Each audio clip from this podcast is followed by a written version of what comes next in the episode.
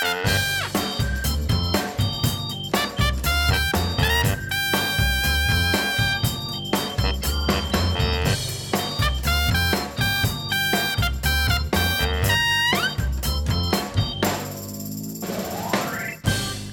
vonken zijn neergedaald in Den Haag.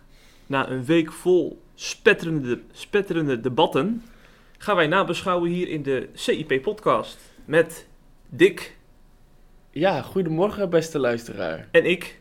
Ja, Ik ben Jeffrey toevallig, voor degenen die het nog niet weten. ja.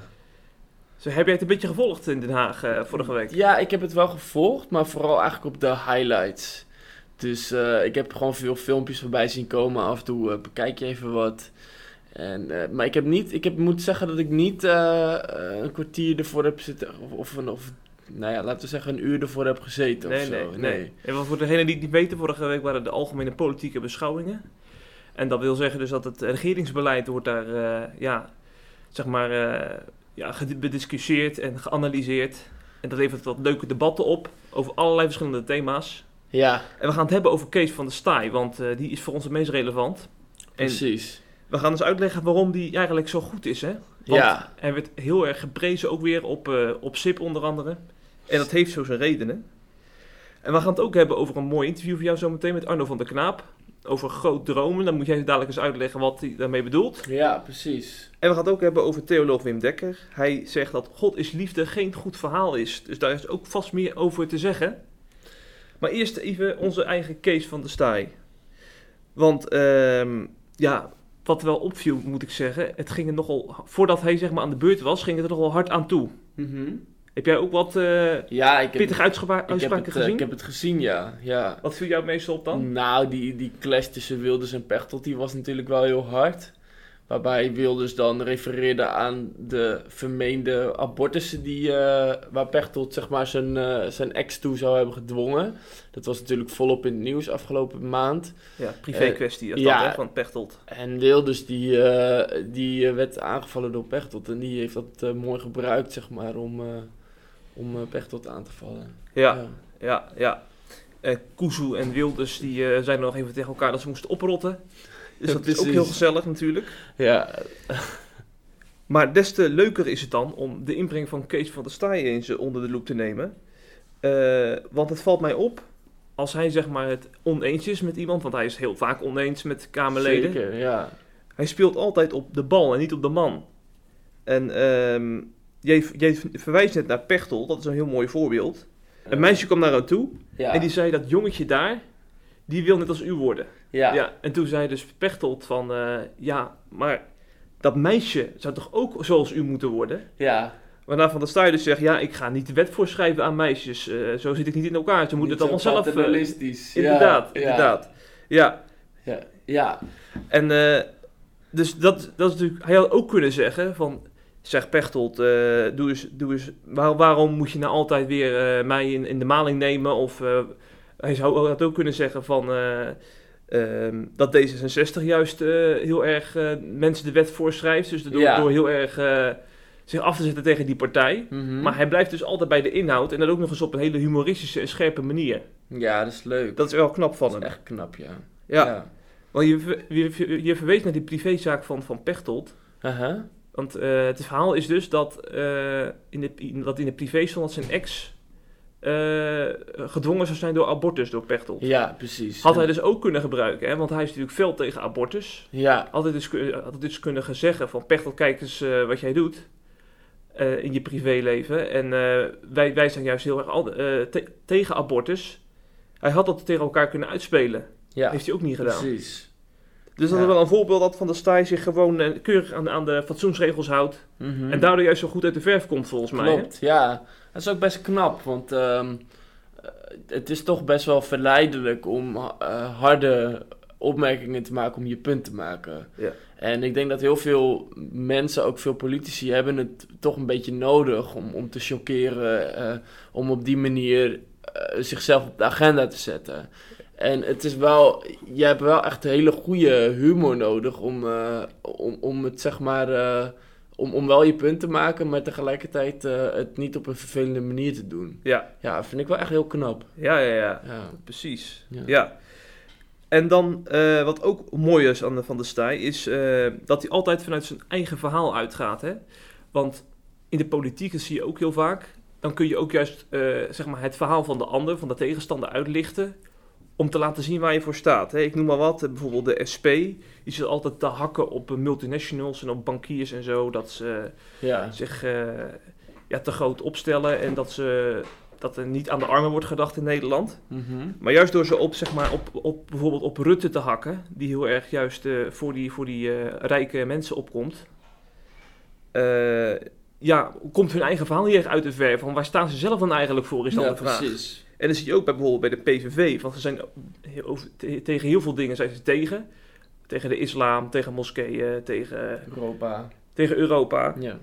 En dan, wat is dan je eigen verhaal? En bij, bij de SGP is dat echt veel duidelijker. En eh, ook nog eens eigenlijk heel erg eh, positief. Ehm, om even een voorbeeldje te noemen. Hij koos Salomo als insteek tijdens die algemene beschouwingen. Mhm. En eh, Salomo is natuurlijk een hele wijze koning die wijze beslissingen nam. En hij had dus ook, hij heeft er dus bewust voor gekozen om Salomo zeg maar eh, voor zijn verhaal te kiezen. En eh, daardoor heeft hij helemaal niet hoeven ingaan op, op zeg maar eh, punten van D66, een van zijn grootste vijanden, ja. of punten van, van, van andere partijen die, die bijvoorbeeld niks met het christendom hebben. Mhm. Hij heeft alleen maar een, een, een, een bijbelfiguur gebruikt om te vertellen wat wijsheid is en wat mooi is en hoe de politiek beter kan. Dat is, dat is de, denk ik ook een, een kracht van Van der Staaij. Zeker, absoluut. Ja. Ja.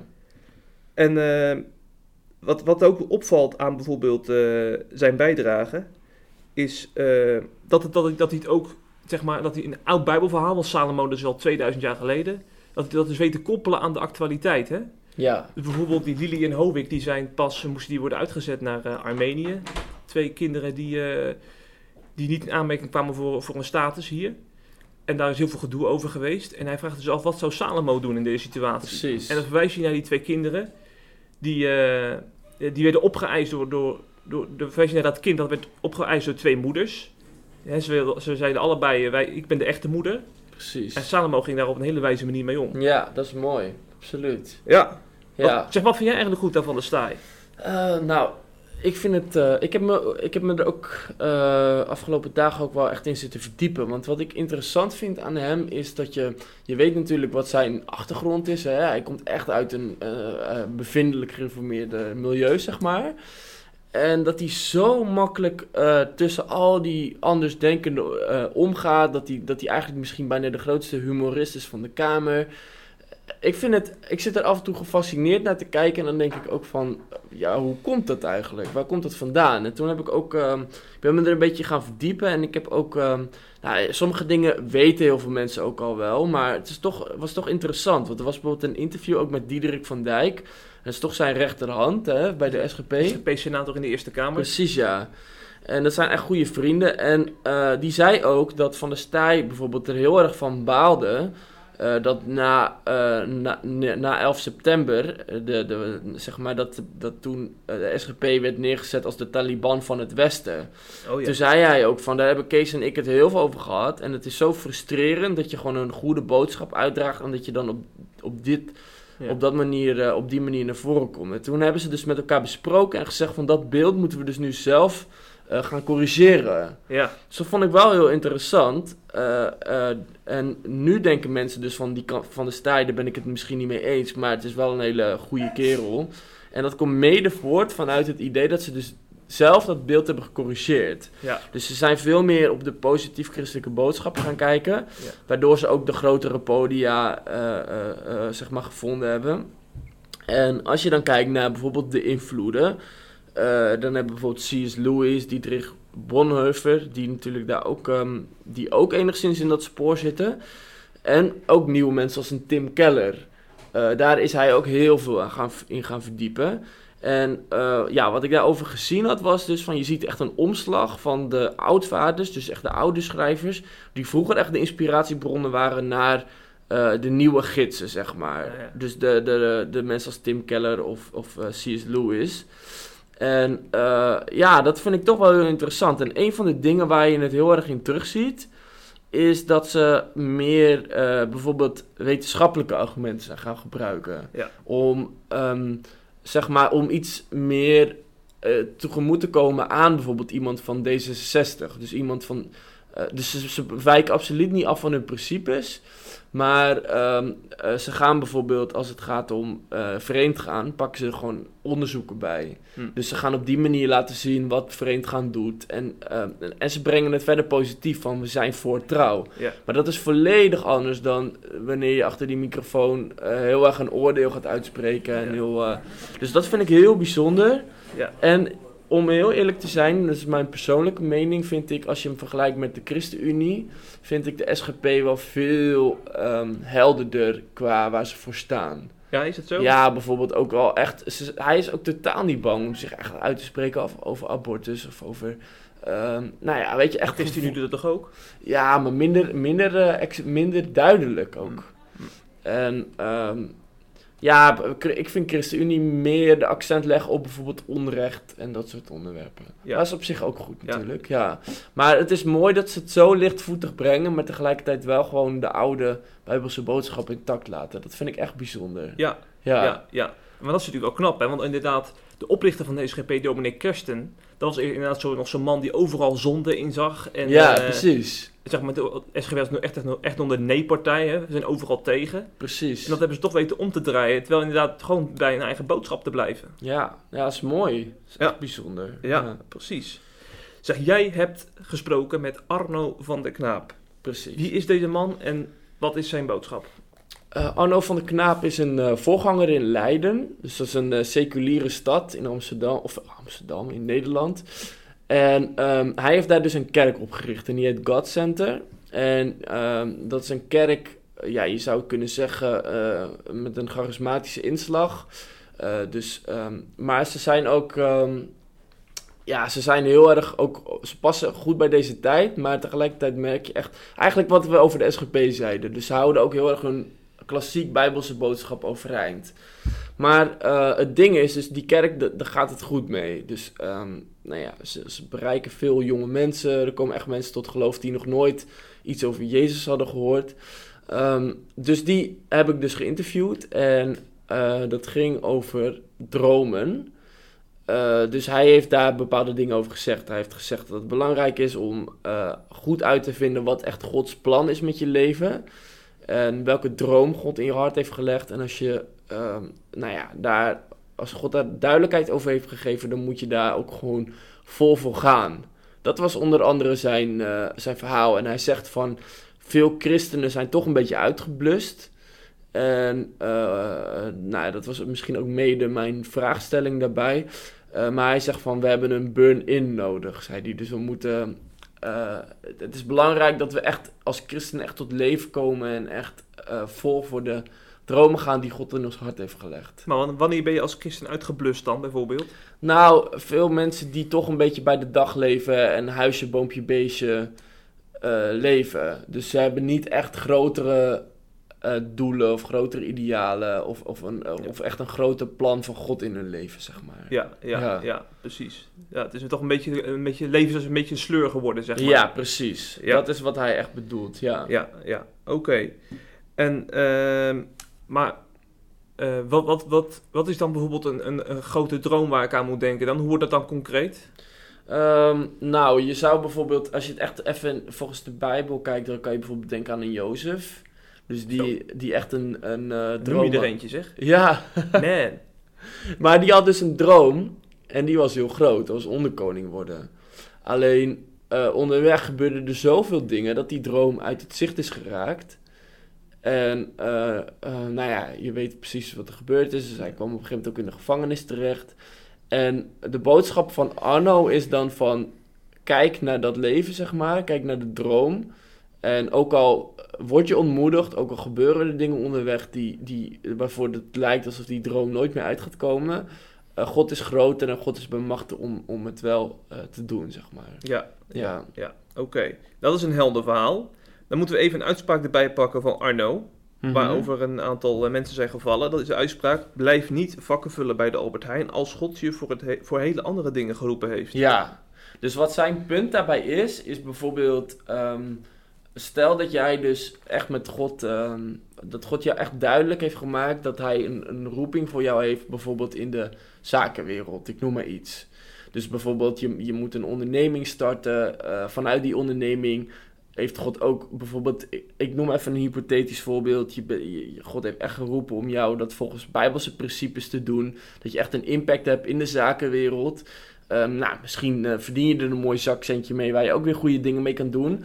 Eh, op die manier, als je daar echt een roeping voor hebt, dan zegt Arno van eh, ga er ook voor. En, en durf ook misschien een risico te nemen. Ook al is het misschien veiliger om te blijven vakken vullen bij de Albert Heijn. Ja, ja, Ja, precies. Ja. ja, Want dominee Arjan Berensen, een PKN-predikant uit Nieuw-Vennep, die eh, vindt dat Arno hiermee de plank flink mislaat. Hij zegt, je kunt ook grote dingen doen voor God als je vakken vult bij de Albert Heijn. Hoop dat er, hij hoopt dat er, er is meer theologie, hij noemt het dus een er is meer theologie van Ja. Arno, snel weer overwaait. het is wel interessant. Geestelijke spierballen blijken niet ze- zelden eerder vetbulten. We zijn, geroep, we zijn niet geroepen om grote dromen, we zijn geroepen om Gods wil te doen. En niet zelden kruist het Gods wil al onze grote dromen. Zegt hij. Ja, precies. Dus eigenlijk zegt hij hier dat, eh, dat Arno eigenlijk wel een paar stappen overslaat. Namelijk, je kan ook in de Albertijn zelf kun je tot zegen zijn voor mensen en je kunt daar ook je droom waarmaken. Ja, precies. Ja. Ehm, nou, wat, ja, nee, dat, eh, dat, is, dat is een goed eh, punt. Eh, ik denk alleen dat, ja, dat het eigenlijk, wat ik net ook al een beetje uitlegde, dus dat je, eh, dat als God echt een, een, een bepaalde roeping voor je heeft, bijvoorbeeld in de, in de businesswereld of bijvoorbeeld misschien moet je echt fulltime evangelist worden of weet je, als God echt duidelijk iets op je hart heeft gelegd, dan ehm, eh, kun je zeg maar vanuit veiligheid bij de Albert Heijn blijven werken. Ja, ja. En vanuit comfort, omdat het wel makkelijk is, je hebt zekerheden, eh, de kans om te falen is niet zo groot. Maar Arno zegt van, je moet daar juist uitkomen. Mhm. Ja, ja. Ja. En ehm, eigenlijk heb ik er twee dingen over, over die reactie van Arjan Berendsen. ja. Ehm, de ene is, zeg maar, laat ik het zo zeggen. Wat mij een heel klein beetje eh, wel daaraan stoort, is het idee van. ehm, kijk, het gaat op dit moment gewoon echt heel slecht met de, met de kerk in Nederland. En ik mis soms een beetje het punt van dat, dat de theologen en voorgangers zoiets hebben van. En nu moeten we een streep trekken. Eh, we moeten nu gewoon echt. ehm, ja, weet ik veel wat, echt de hemel gaan bestormen. En eh, weet je, het is nu gewoon, het is gewoon genoeg nu, weet je, hoe de kerken leeglopen. En alleen ondertussen blijven we elkaar vliegen afvallen en eh, op de vierkante centimeter, nou ja, elkaar te discussiëren. Ehm, dat vind ik enigszins dat ik denk van, ehm, ja, Arno is wel een, een voorganger die heel gepassioneerd is, die een enorme eh, verlangen heeft, zeg maar, om zoveel mogelijk mensen gered te zien worden, omdat hij eh, niet wil dat ze naar de hel gaan, zeg Ja, maar. ja oké, dus de intenties zijn goed. Dus zijn intenties Ja. zijn heel goed en hij heeft gewoon een, een, een hele grote groei in de kerk en het gaat, het gaat daar fantastisch. En in plaats van het idee van, oh, laten we van hem leren, is het bijna een soort van, vanuit jaloezie van, eh, oh, wat, theologisch gezien is het een ge- verschrikkelijk gevaarlijk iets. En dan denk ik van, nou, ik vind het gevaarlijker als jouw theologie ervoor zorgt dat de kerken leeglopen, dan als jouw theologie ervoor zorgt dat mensen tot bekering komen. Oké, oké. Maar goed, dat is een eh, zijweg. Ja. Eh, maar wat ik wel denk over dat. Ik begrijp het idee van God kan ook met kleine dingetjes. Maar ik geloof aan de andere kant dat Jezus is niet gekomen om ons veilige wereldje eh, te respecteren. Geloof ik. En, en tegen de discipelen zei hij ook niet van. Nou, blijf maar lekker vissen en je kan wel tot zegen zijn eh, in, in de kleine dingetjes die je doet. Weet je, nee, hij zei echt van, eh, eh, kom uit die boot en, en volg mij. En zijn hele leven, hun hele levens werden op zijn kop gezet. Ze moesten echt dingen gaan doen die ze in eigen kracht niet konden, zeg maar. Hm. En ik geloof wel dat, dat we te makkelijk denken dat het geloof zo bestaat. Eh, dat God ons hele veilige wereldje intact laat. En dat we misschien af en toe een keer een, eh, een boodschapje kunnen doen voor de buurvrouw. En, en dat is het dan, weet je. Terwijl God misschien geroepen heeft om al je zekerheden op te geven. En eh, dat hele aspect van, oh, er is meer, of zeg maar, doe maar gewoon normaal. Dat lees ik heel vaak niet in de Bijbel. Er staat bijvoorbeeld ook een tekst in Efeze, staat er van aan hem die door de kracht die in ons werkt bij machten is oneindig veel meer te doen dan wij vragen of denken. In Jezaja staat ook dat Gods gedachten zijn hoger dan die van ons. Ehm, weet je, dus er staan heel veel. eh, Jezus zegt natuurlijk ook: alles is mogelijk voor degene die gelooft. Als er, er staan heel veel teksten in de Bijbel die wijzen erop, eh, die ons er naartoe wijzen dat er. eh, dat, dat Gods leven, zeg maar, Gods wil met ons groter is dan binnen onze mogelijkheden. Hm. Hm. En ik vind dat dat heel goed is dat Arno daar wel echt op focust. Ja, ja, Ja. ja. zeker. Maar als ik dan toch even met Arjan Berensen mee mag gaan, ik snap je punt heel goed. Ja? Maar als ik dat toch even met hem mee mag gaan, ik zie ook een tendens. Mhm. Waarbij, eh, we kennen allemaal een beetje van die grote namen die, die het ver hebben gebracht in christelijk Nederland. Ik noem Martin Korenstra, die, met, die heel veel bereikt met genezingsdiensten. Ja? Ik noem een eh, eh, ja, Kees Kraaienoord, die natuurlijk heel veel eh, groot bereik heeft met zijn, met zijn zangtalent. En nu ook nog eens eh, met zijn kerk in Veenendaal. En ik denk een beetje het gevaar is, volgens mij is dat een beetje het Jozef-syndroom. Dat, dat, wij, dat wij ons gaan uitstrekken naar die, al die grote mannen. Hè, van, je kunt ook een Jozef worden, ook, jij, jij kunt ook een Martin Korenstra worden. Terwijl er, de overgrote meerderheid, die, wordt niet, die, die, die is op de achtergrond, zeg maar, in Gods Koninkrijk actief. Bijvoorbeeld eh, in een of andere kerkcommissie en in het dagelijks leven gewoon in, in zijn, op zijn werk en in zijn gezin. En eh, in, in zijn buurt misschien wel, bij een of andere biljartclub, weet ik veel. Maar waarom, waarom worden... Ik, mij, Nou. deze, deze grote mannen worden allemaal uitgelicht. En Ja. jij verwijst nu ook weer naar Jozef. Ja, precies. Maar in principe is eh, in dat interview komt niet naar voren of dat, dat Arno niet zegt van word zoals mij. En ik denk dat Martin Koornstra dat ook niet zegt, omdat ze juist zeggen van zoek naar, je, naar het plan wat God met jou heeft. Ja, maar groot En- dromen, dat komt nooit uit bij het schoonmaken bij de, bij de, bij de biljartclub in de buurt. Nou, maar stel dat jij bijvoorbeeld. ehm, stel dat, dat God echt voor jou een, een droom heeft om gewoon schoonmaker te blijven. Dat zou, weet je, ik, zeg, ik eh, zou er absoluut niet zeggen dat dat niet kan. Maar heb dan bijvoorbeeld de droom om op jouw schoonmaakbusiness zoveel mogelijk mensen tot geloof te zien komen. Ja. En dat is ook een hele grote droom. Weet je, dat jij misschien een, eh, als schoonmaker, als je thuis komt, een huisgroepje hebt voor al die schoonmakers die, eh, die door jou meer willen weten over Jezus.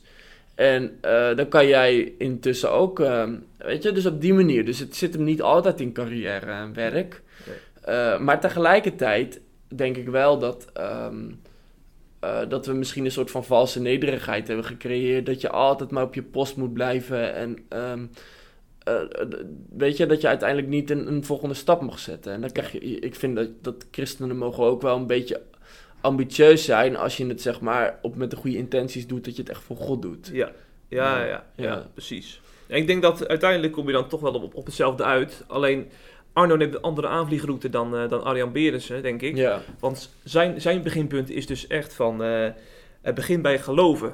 En, en bij, eh, bij het feit dat God weet wat, wat er goed voor je is. En, en Arno begint volgens mij bij, bij groot dromen. Dus ja. hij, hij begint misschien Maar op een Arno andere zei, plek. Arno zei ook wel dat grote dromen ook een afgod kunnen zijn, zei hij in het artikel. En hij zei dus je moet altijd, moet je, je doel zijn, moet niet je droom zijn, maar het moet echt God zijn. Ja, ja en precies. en als, je dat, als, je, als je de juiste prioriteiten hebt, dus dat je echt God op nummer 1 hebt en dat God echt je doel is, vanuit daar gaan dromen. Anders kan je ook dromen hebben vanuit het vlees, zeg maar. ja. Ja, Ja. Zeg, we moeten het nog even hebben over eh, onze Wim Dekker. Dat is eh, een theoloog van de Gereformeerde Bond. En eh, die heeft onlangs weer een boek geschreven, doet hij wel vaker. En hij heeft in een interview met mij benadrukt dat God is liefde geen goed verhaal is. En dat klinkt natuurlijk een beetje gek, hè? Want je zou Ja. toch juist denken van... eh, ja, dat, dat dat juist zeg maar de boodschap is waar we, me- waar we de, de hort op kunnen, de straat op kunnen. Maar hij zegt dus dat bijvoorbeeld eh, troost, troostteksten in de Bijbel, dat dat helemaal geen evangelisatieteksten zijn. Eh, troostteksten komen met name voor bijvoorbeeld eh, in gedeelten waarbij Israël, het volk van God, het heel erg moeilijk heeft. Eh, door, aan de ene kant maken ze het zichzelf moeilijk door afgoden te dienen. En aan de andere kant eh, trekt God zich ook soms terug, omdat eh, het Joodse volk zich niet, op hem richt. Maar dan geeft hij dus heel veel troostteksten van, eh, ik blijf jullie God, er komt herstel en er, er komen betere tijden aan. En volgens hem maken wij dus misbruik als we, van deze teksten als we die gaan over, overhalen naar een heel andere tijd en een heel andere situatie. Bijvoorbeeld in een evangelisatietent door deze teksten uit te lichten en te zeggen dat God heel veel van ons houdt en eh, mooie plannen met ons heeft. Dat is, dat is dus een eerste punt. Gezondheid, eh, Dikkie. Dankjewel. En hij zegt ook eh, dat, we, dat wij vaak geneigd zijn om te kiezen voor comfort in plaats van challenge. Wat is het verschil? Comfort is toch een beetje wat we, ja, toch wel een beetje het kerkbanksyndroom in onze, in onze kerkelijke stromingen. Dat we vooral komen voor een goed verhaal van de, van de voorganger of de dominee. En, eh, en voor, voor de mooie liederen die gezongen worden. Maar uiteindelijk gaat het in het evangelie volgens hem om challenge. Dus dat je uit die stoel komt en, Ja. eh, en wordt uitgedaagd. En hij ziet dus dat je eh, wordt uitgedaagd door een, door een boodschap die veel evenwichtiger is dan alleen maar te zeggen dat God een, een troostende, eh, lieve God is. Die zijn armen openspreidt en die op, die, waarbij, je op, die, eh, waarbij je op schoot mag zitten, bij wijze van spreken. Ja. Dus als je zeg maar niet ook de kant benadrukt dat God wil dat, dat, God wil dat je je bekeert, dat, Hmm. je, dat je een andere levensstijl aanleert, dat je Ja, zijn, zijn richtlijnen belangrijk. navolgt, Ja. Dan, blijf je dus, eh, dan ben je dus niet in balans eigenlijk, zegt hij. Klopt, ja. Ja, dat, ik denk dat precies hetzelfde. En je ziet ook wel in Nederland dat de kerken die, die het evenwicht wel hebben, dat die vaak het veel beter doen dan de kerken die dat niet hebben. Ja. Dat, eh, ik denk dat, eh, ja, je, je, je- er staan toch genoeg teksten, kijk alleen al die brieven van Paulus. Hoe vaak gaat het niet over levensheiliging, hoe vaak gaat het niet over de vrezen des Heren, eh, het ontzag hebben voor God, God als een, een heilige God. eh, en het leven, dat het niet vrijblijvend is, weet je. Dat, dat je echt ehm, eh, redding nodig hebt in Christus, zeg maar. Dus ik denk dat hij dat die een heel goed punt maakt. Ja, ja. Wat denk jij ervan? Ja, ik ben, ik ben het ook wel met hem eens in deze. Want ik, ik denk ook op een gegeven moment, als je elke zondag zeg maar zo'n boodschap hoort, of, wanneer, of elke dag bij wijze van spreken, dat op een gegeven moment dan, dan, dan wendt die boodschap zo. En je zit op een gegeven moment in een situatie waarbij je ook niet echt, niet echt meer troost of liefde nodig hebt. Want ik denk dat eh, mensen zet- uiteindelijk hebben, zijn mensen tijdelijk zitten ze in een gebroken situatie, bijvoorbeeld na een scheiding of, na, of eh, als, het, als ze ontslagen worden op hun werk. Dan, dan kunnen dat soort preken en boodschappen heel erg eh, troostend en, eh, en goed zijn. Maar er zijn ook heel veel momenten waarbij het leven gewoon doorgaat en waarbij er bij wijze van spreken geen zorgen zijn. Ik heb bijvoorbeeld nu al, denk ik al drie of vier jaar geen zorgen. Want eh, ja, het klinkt een beetje gek, maar ik, ik, ik heb mijn vrouw leren kennen, ik heb een goede baan. eh, Ja. met, met mijn ouders gaat het goed. Ja. Eh, we, zijn geen ziek in ons gezin. En ik denk dat ik dan in zo'n situatie weinig heb aan zo'n, aan zo'n man die dan elke zondag benadrukt dat, dat, dat je bij God mag komen met je zorgen, pijn en verdriet. Dan bereik je mij niet Nee. op zo'n moment. Precies. Je bereikt me dan veel meer door te zeggen dat, ik, dat God eh, wil, wil dat ik eh, mijn leven wil, moet, moet veranderen. Dat hij. eh, ja, dat, Hmm. dat, ik, dat ik inderdaad levensheiliging, dat ik Ja. op bepaalde kijk, dat punten misschien anders moet gaan leven. Dat dat God ook een oordelende God is. Ja. Die, die kijkt naar. die ook ons gaat afrekenen op een gegeven moment op de manier waarop we hebben geleden. Ik denk dat je het mij Ja. dan veel meer eh, scherp houdt dan Ja. wanneer je zegt God is een liefdevolle trooster. Ja. Ja, dat is wel ook wel best bizar eigenlijk dat, eh, eh, dat, dat heel veel mensen dus dat besef op die manier niet meer hebben. Dat, dat, dat, er ook een, dat wij ook rekenschap moeten afleggen van hoe we leven bijvoorbeeld. Ja. Dat, eigenlijk wat jij net zei. Dus dat is wel een... ik vond wel, maar zijn kop, jij hebt die kop natuurlijk zelf ook gekozen. Je hebt het hele verhaal gehoord. Eh, is hij ook een man die een beetje prikkelt? Of, of vindt hij dit echt, zeg maar, helemaal? eh, wat hij wat die in die kop zei? Dat over God is liefde. Want hij, ik kan me niet voorstellen dat hij, dat hij de liefde niet be- belangrijk vindt. Nee, tuurlijk vindt hij. Nee. Nou, hij zegt ook zelfs. eh, volgens mij zegt hij ook ergens juist dat, ehm, dat, het, dat het wel bij die liefde begint. Ook, ja, want, want, want, dat is echt zo. ja, Want tuurlijk. ik denk wel dat uiteindelijk de liefde van God, dat dat wel de belangrijkste evangelisatiemiddel is. ja. Eh, want als jij, als zeg maar, ehm, ehm, kijk, als echt het oordeel, zeg maar, de reden is dat je gelooft, eh, dan, heb je, dan is het niet echt vanuit een ontmoeting met God. Zeg maar, dan is het meer misschien vanuit angst. Terwijl als je echt echt de liefde van God in je hart hebt ervaren, Mhm. ehm, dat is iets wat zo intens kan zijn dat je echt denkt van hier wil ik de rest van mijn leven niet meer van afwijken. Ja. En ik denk dat dat bij, bij heel veel mensen de reden is dat ze tot bekering komen en dat ze nu nog steeds geloven. Ja. Dus ik denk dat, eh, dat in die zin dat, eh, dat de liefde wel knetters belangrijk is. Maar als je het soort van heel goedkoop gaat maken, dan verliest het ook volledig zijn kracht. Ja, dat is precies het punt. Goedko Ja. Goedkope genade, dat is natuurlijk eh, datgene waar hij op wijst. Ja, precies. Ja, ja. ja. Want hij zegt ook bijvoorbeeld bij Challenge, eh, eh, dan, dan verwijst hij naar, naar Jezus zelf.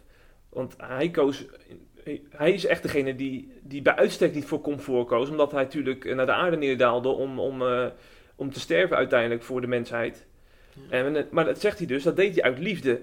Dus dat gaat volledig met elkaar samen. Dus die Ja. challenge boodschap, uitgedaagd worden en uit je stoel komen en dus, en dus inderdaad vanuit liefde handelen. Ja, ja Dus, eh, mooi. ja, Ja, ja, ik denk dat inderdaad als je dan zo'n titel en, en eh, het heel oppervlakkig leest, dat ik zag een paar reacties, weet je, mensen die er dan niet zo blij mee zijn. Ja. Maar ik denk als je zijn verhaal goed begrijpt, dan is het gewoon een kwestie van, eh, er staat meer in de Bijbel dan alleen maar die paar dingetjes die wij de hele tijd benadrukken. ja, Ja, ja, dus precies. dat is gewoon, eh, het houdt je gewoon weer scherp, toch, zulke verhalen. Lijkt mij ook. Ja, Ja, ja. dus ik zou zeggen, Jeff, goed, goed bezig. Leuk dat je me hebt geïnterviewd. ja mooie Ja. man is dat. Ja. Ja, ja, ja.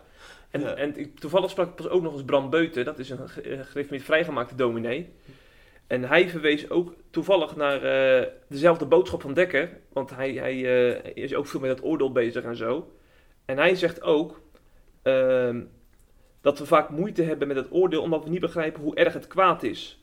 Spreek maar eens met vluchtelingen en mensen die zijn misbruikt of mishandeld. Dan kan het zomaar zo zijn dat je bij die ander woede en frustratie ontdekt. Als je dat opmerkt, is, het, is dat een goed moment om het over Gods oordeel te hebben.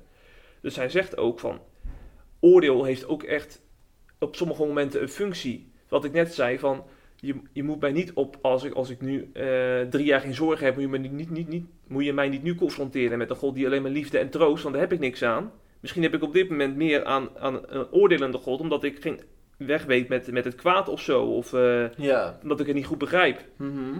En juist als je dan met een boodschap aankomt dat God ook oordeelt, eh, kan mij dat weer verder helpen, omdat ik weet dat, eh, ja, dat God er daar ook een keer mee gaat afrekenen en Ja. eh, dat hij uiteindelijk een rechtvaardig God is.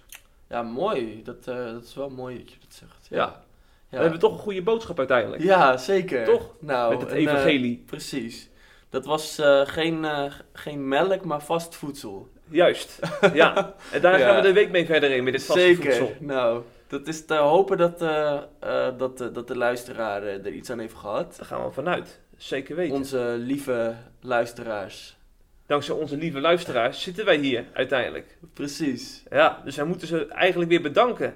Ja, zeker. Nou, we waarderen het, zeg, dat mensen de tijd nemen om naar ons te luisteren. Ja. Er is zoveel om aan te klikken, zoveel keus. En ze luisteren naar ons. Dat is toch wel heel lief. Ik kreeg eh, van de week kreeg ik een mailtje van dominee Messenmaker dat hij ook de, post, de podcast heeft ontdekt. Ja? Ja. Hij zei, jullie moeten ook eens wat fragmenten naar de regulatorische omroep sturen, zodat ze daar ook mee kunnen luisteren. Dus misschien moeten we maar eh, de, de RO eens gaan benaderen. Nou, dat moeten we doen. Goeie tip van misschien, eh, kunnen Messenmaker. we, misschien kunnen we de RO meteen overnemen. Ja, dat zou ook een goed idee zijn. Ja hoor. Dan kopen we oranje stoelen, ja. oranje tafels. Ja. Nee, dat gaat helemaal goed komen. ja. Beste mensen, wensen jullie nog een hele goede week. Geniet ervan. En vergeet geen mailtjes te sturen naar info.sip.nl, want we horen graag wat jullie ervan vinden. Ja. En word precies. lid we, van... we, we- we worden graag door u scherp gehouden. Zeker. We houden van kritiek. Ja, maar als je dan toch kritiek levert, word dan ook even lid van CIP+. want dan kun je al onze artikelen lezen.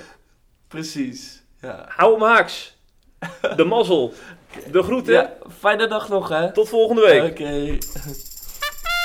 Bye.